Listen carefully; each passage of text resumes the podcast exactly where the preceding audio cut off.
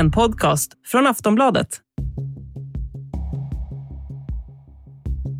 Let's start in Ukraine, which has seen another major attack on Kiev, this time the capital hit with explosive drones. According to President Zelensky's chief of staff, self detonating drones supplied by Iran hit the city centre. The mayor of Kiev, Vitaly Klitschko, said several residential buildings have been damaged. Är ärkefienderna Iran och Israel på väg in i kriget mellan Ryssland och Ukraina? Ja, efter flera ryska attacker med så kallade kamikazedrönare från Iran så väcks nu många frågor och en stor oro för vad som kommer hända härnäst i kriget. Under några dagar nu så har vi mötts av rapporter från kriget att Ryssland använder sig av Shahed 136-drönare som tillverkats i Iran.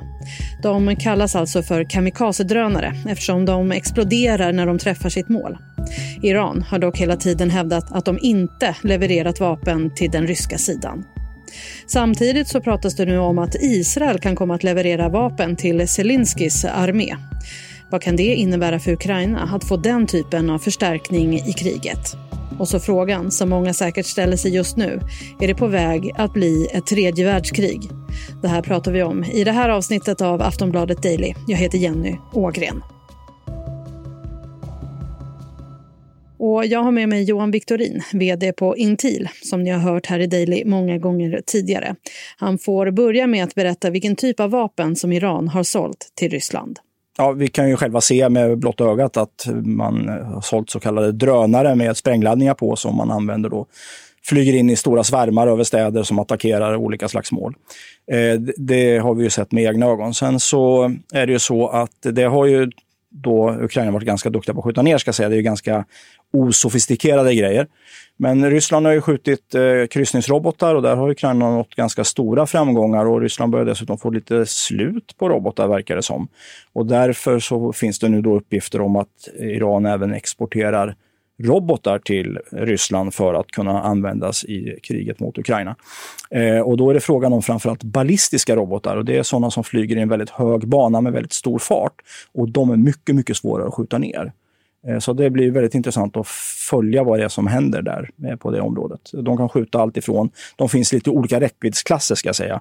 Allt ifrån 30 mil upp till 100 mil. Och, eh, om de, de största robotarna som når då 100 mil, de täcker då hela Ukraina oavsett om man står i Krim eller om man står i Ryssland och skjuter.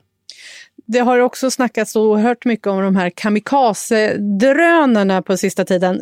Vad är det för någonting? Ja, men det var det jag inledde med. Alltså, det är en flygande farkost som manövreras då, eh, via radio eh, och som man via olika styrkommandon och sen så är den då fäst med sprängladdningar som då, då detonerar vid impact. Men det finns ju ingen människa här. utan det är ju obemannade farkoster så att kamikaze det, låter, det var ju en, en, person som satt i den japanska planen, det är därifrån den termen kommer. Så det, men det är alltså en självmordsbombare från luften, men ganska osofistikerat. Ganska små laddningar, men träffar de rätt så slår de ju naturligtvis ut ett kraftverk kanske. Och Iran nekar hela tiden att de har sålt vapen till Ryssland? Såklart de gjort, men alla kan ju se hur de flyger så att det, det är inget ovanligt att man försöker förneka det som är sant. Ukraina har ju haft eh, framgångar på marken den senaste tiden. Eh, kan de här tillskotten av vapensystem för Ryssland förändra den trenden, tror du? Kanske inte i den typen av strider, men däremot så blir det en väldigt stor belastning rent strategiskt på Ukraina. President Zelensky pratade om att man har förlorat ungefär en tredjedel av sin energiförsörjning i de här senaste robotvågorna och drönarvågorna som har kommit de sista två veckorna. Eh, och det är ju naturligtvis, så liksom energin tar ju slut då eh, bokstavligen för Ukraina. Eh, de har också blivit av med en tredjedel av sin ekonomi också. Så. Men på själva stridsfältet nu, framförallt då i Chersonområdet, där gör de ju ingen skillnad överhuvudtaget skulle jag säga. Utan där, där fortgår det som ukrainarna vill och det verkar ju som att Ryssland förbereder sig för en reträtt därifrån. Eh, den nya befälhavaren, Ryssland har ju inte haft en befälhavare för hela operationen. Det är ju först de sista veckorna som det har kommit då, generalen Surokovkin. Eh, eh, Surovkin. Eh, han gav faktiskt en intervju, det är väldigt ovanligt att ryska generaler ställer upp på sådana saker. Och han förberedde den ryska befolkningen på att man kommer kliva tillbaka eh, här, därför att det är väldigt svårt att försvara den. Den är liksom ur en rysk synvinkel på fel sida om floden. Kommer man däremot på söder sida om floden, då har man mycket lättare att försvara sig och då är det kanske till och med så lätt så att Ryssland lyckas frigöra trupper från det frontavsnittet och kan skicka ner det till sydöstra Ukraina. Det här senaste nu med eh, Iran som har sålt vapen då till eh, Ryssland, nu, även fast de inte bekräftar det, så är det ju så att Ukrainas utrikesminister vill ju kapa alla diplomatiska förbindelser med Iran. Kan det bli så att fler kommer att göra det? tveksamt tror jag, för någonstans lite längre bort så eh, ser man ju, dels vill man ju ha med Eh, iranierna i det här kärnenergiavtalet, så man vill ju att de ska hedra det avtalet och inte börja producera kärnvapen själva. Och därför tror man nog i många huvudstäder att det är nog inte rätt strategi att eh, liksom kapa de banden direkt. Och sen ännu längre bort, om det då skulle bli ett, eh, en regimförändring i Iran på något sätt och, och, folket tar makten och det kanaliseras någon annan väg, så vill man ju också ha handelsrelationer med, med Iran också. Så att det, det finns flera parametrar man måste väga in där. Jag tror inte att många kommer följa efter. Sen har det börjat snackas nu också om att även Israel, som ju är en fiende sedan länge till Iran, riskerar att dras in. På vilket sätt då? Ja, men det, pratas, det har varit många propåer från ukrainsk sida att få hjälp av eh, Israel eftersom Israel bland annat då har väldigt effektiva luftvärnsrobotar. De är ju vana själva vid att hantera raketer och, och enklare robotar som kommer från eh, eh, palestinska områden exempelvis, eller det har ju också skjutits från annat håll.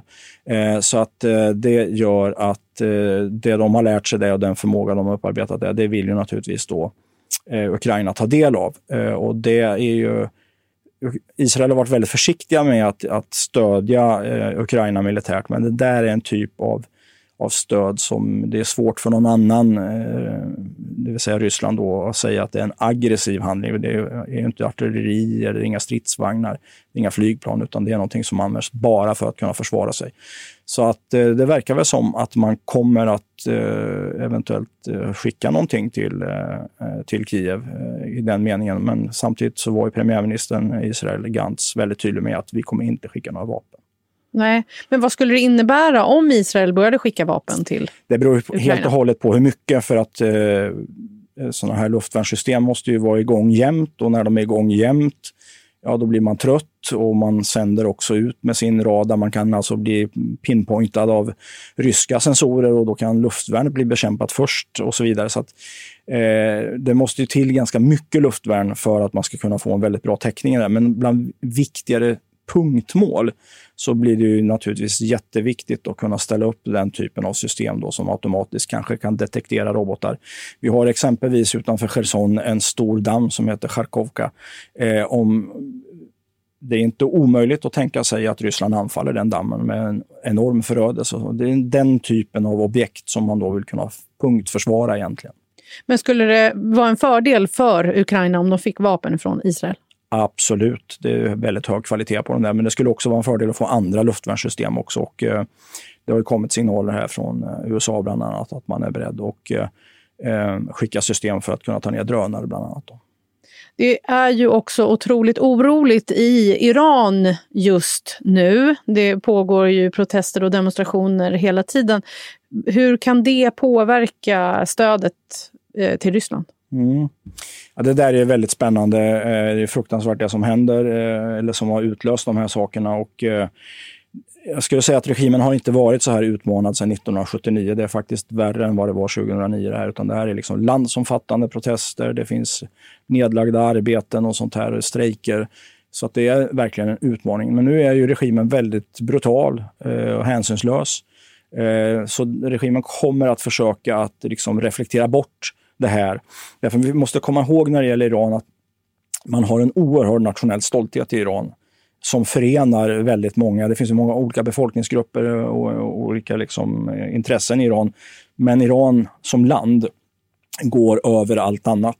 Så att kan regimen skapa en yttre konflikt, exempelvis genom att eh, eh jaga då kurder i Iran och Irak, Eh, Eh, alltså gå in i Irak och, och jaga iranska kurder i Irak, då kan det vara ett sätt att försöka eh, visa att vi är, vi är under anfall från yttre fienden. Det är Israel, det är eh, amerikanerna som gör detta mot oss och vi måste ta, de stöder de här fruktansvärda krafterna och vi måste liksom förena oss mot detta. Det, det, är den typen av yttre fiender som man kommer försöka hitta. Eh, för gör man inte det, då kan man faktiskt förlora makten.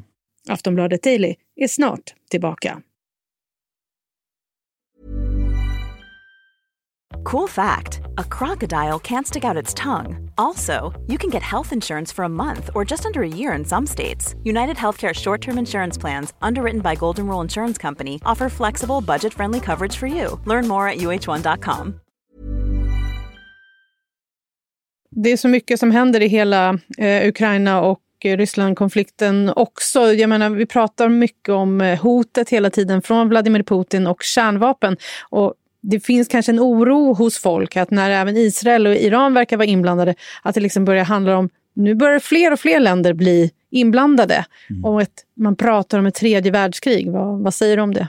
Och där är vi ju inte riktigt än, men det är, det är väldigt illavarslande när Ryssland hela tiden för in den här nukleära dimensionen i sin retorik, för det blir en slags normalisering eh, av, den här typen av vapensystem som ju är politiska vapen. Man pratar ju då och spekulerar och har olika hypoteser kring en insats med taktiska kärnvapen. Då.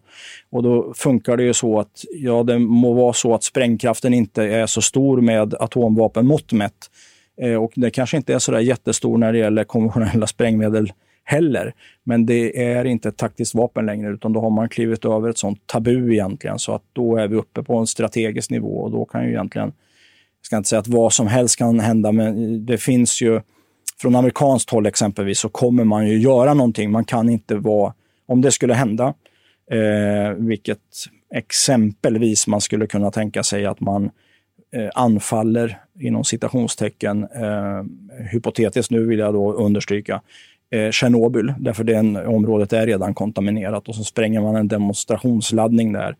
Då kommer ju USA att bli tvungna att svara på något sätt och, och då är det ju frågan om hur, hur, på vilket sätt gör man det? Då skjuter man ut de enheter som har levererat den en sån potentiell laddning. Då. Eh, det skulle jag hålla för troligt faktiskt. För man måste tänka då från amerikansk horisont. Vad betyder det här för våra allierade i Asien? Vad betyder det för våra allierade i NATO och Europa? Så hela trovärdigheten står på spel.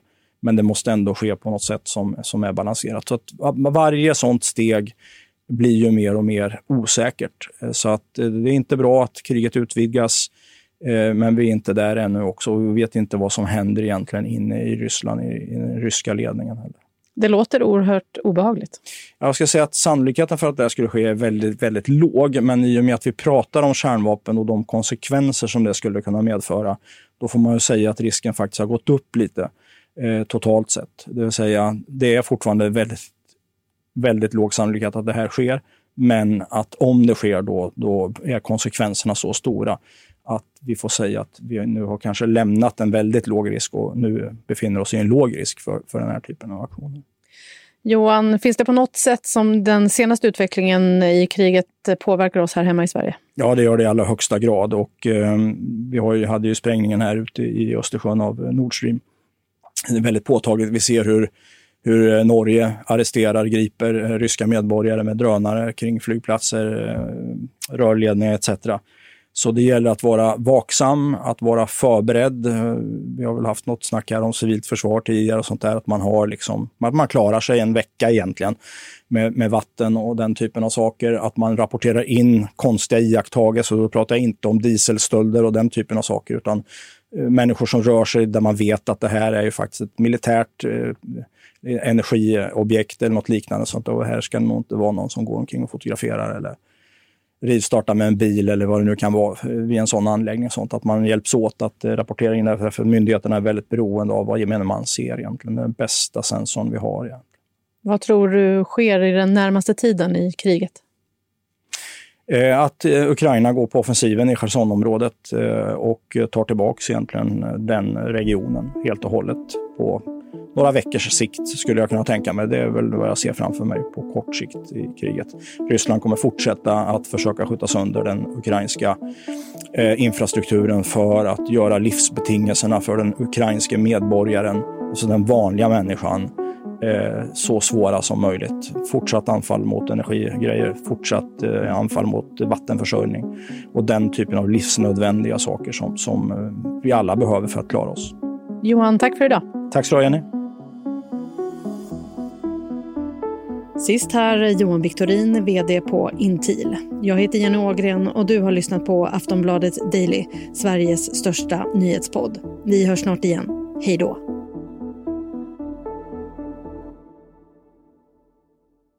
Du har lyssnat på en podcast från Aftonbladet.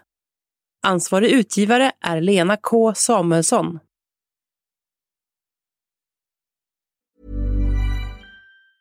Say hello to a new era of mental health care. Cerebral is here to help you achieve your mental wellness goals with professional therapy and medication management support. 100% online. You'll experience the all new Cerebral Way, an innovative approach to mental wellness designed around you. You'll get a personalized treatment plan from a therapist, prescriber, or both in a safe and judgment free space. Your cerebral therapist or prescriber will outline a customized plan with clear milestones along the way so you can get to feeling your best. With Cerebral, you're not alone in your mental health journey. We're here to empower you to live a fulfilling life. So take that first step towards a brighter future and sign up today at cerebral.com slash podcast and use code ACasts to get 15% off your first month. Offer only valid on monthly plans. Other exclusions may apply. Offer ends July 31st, 2024. See site for details.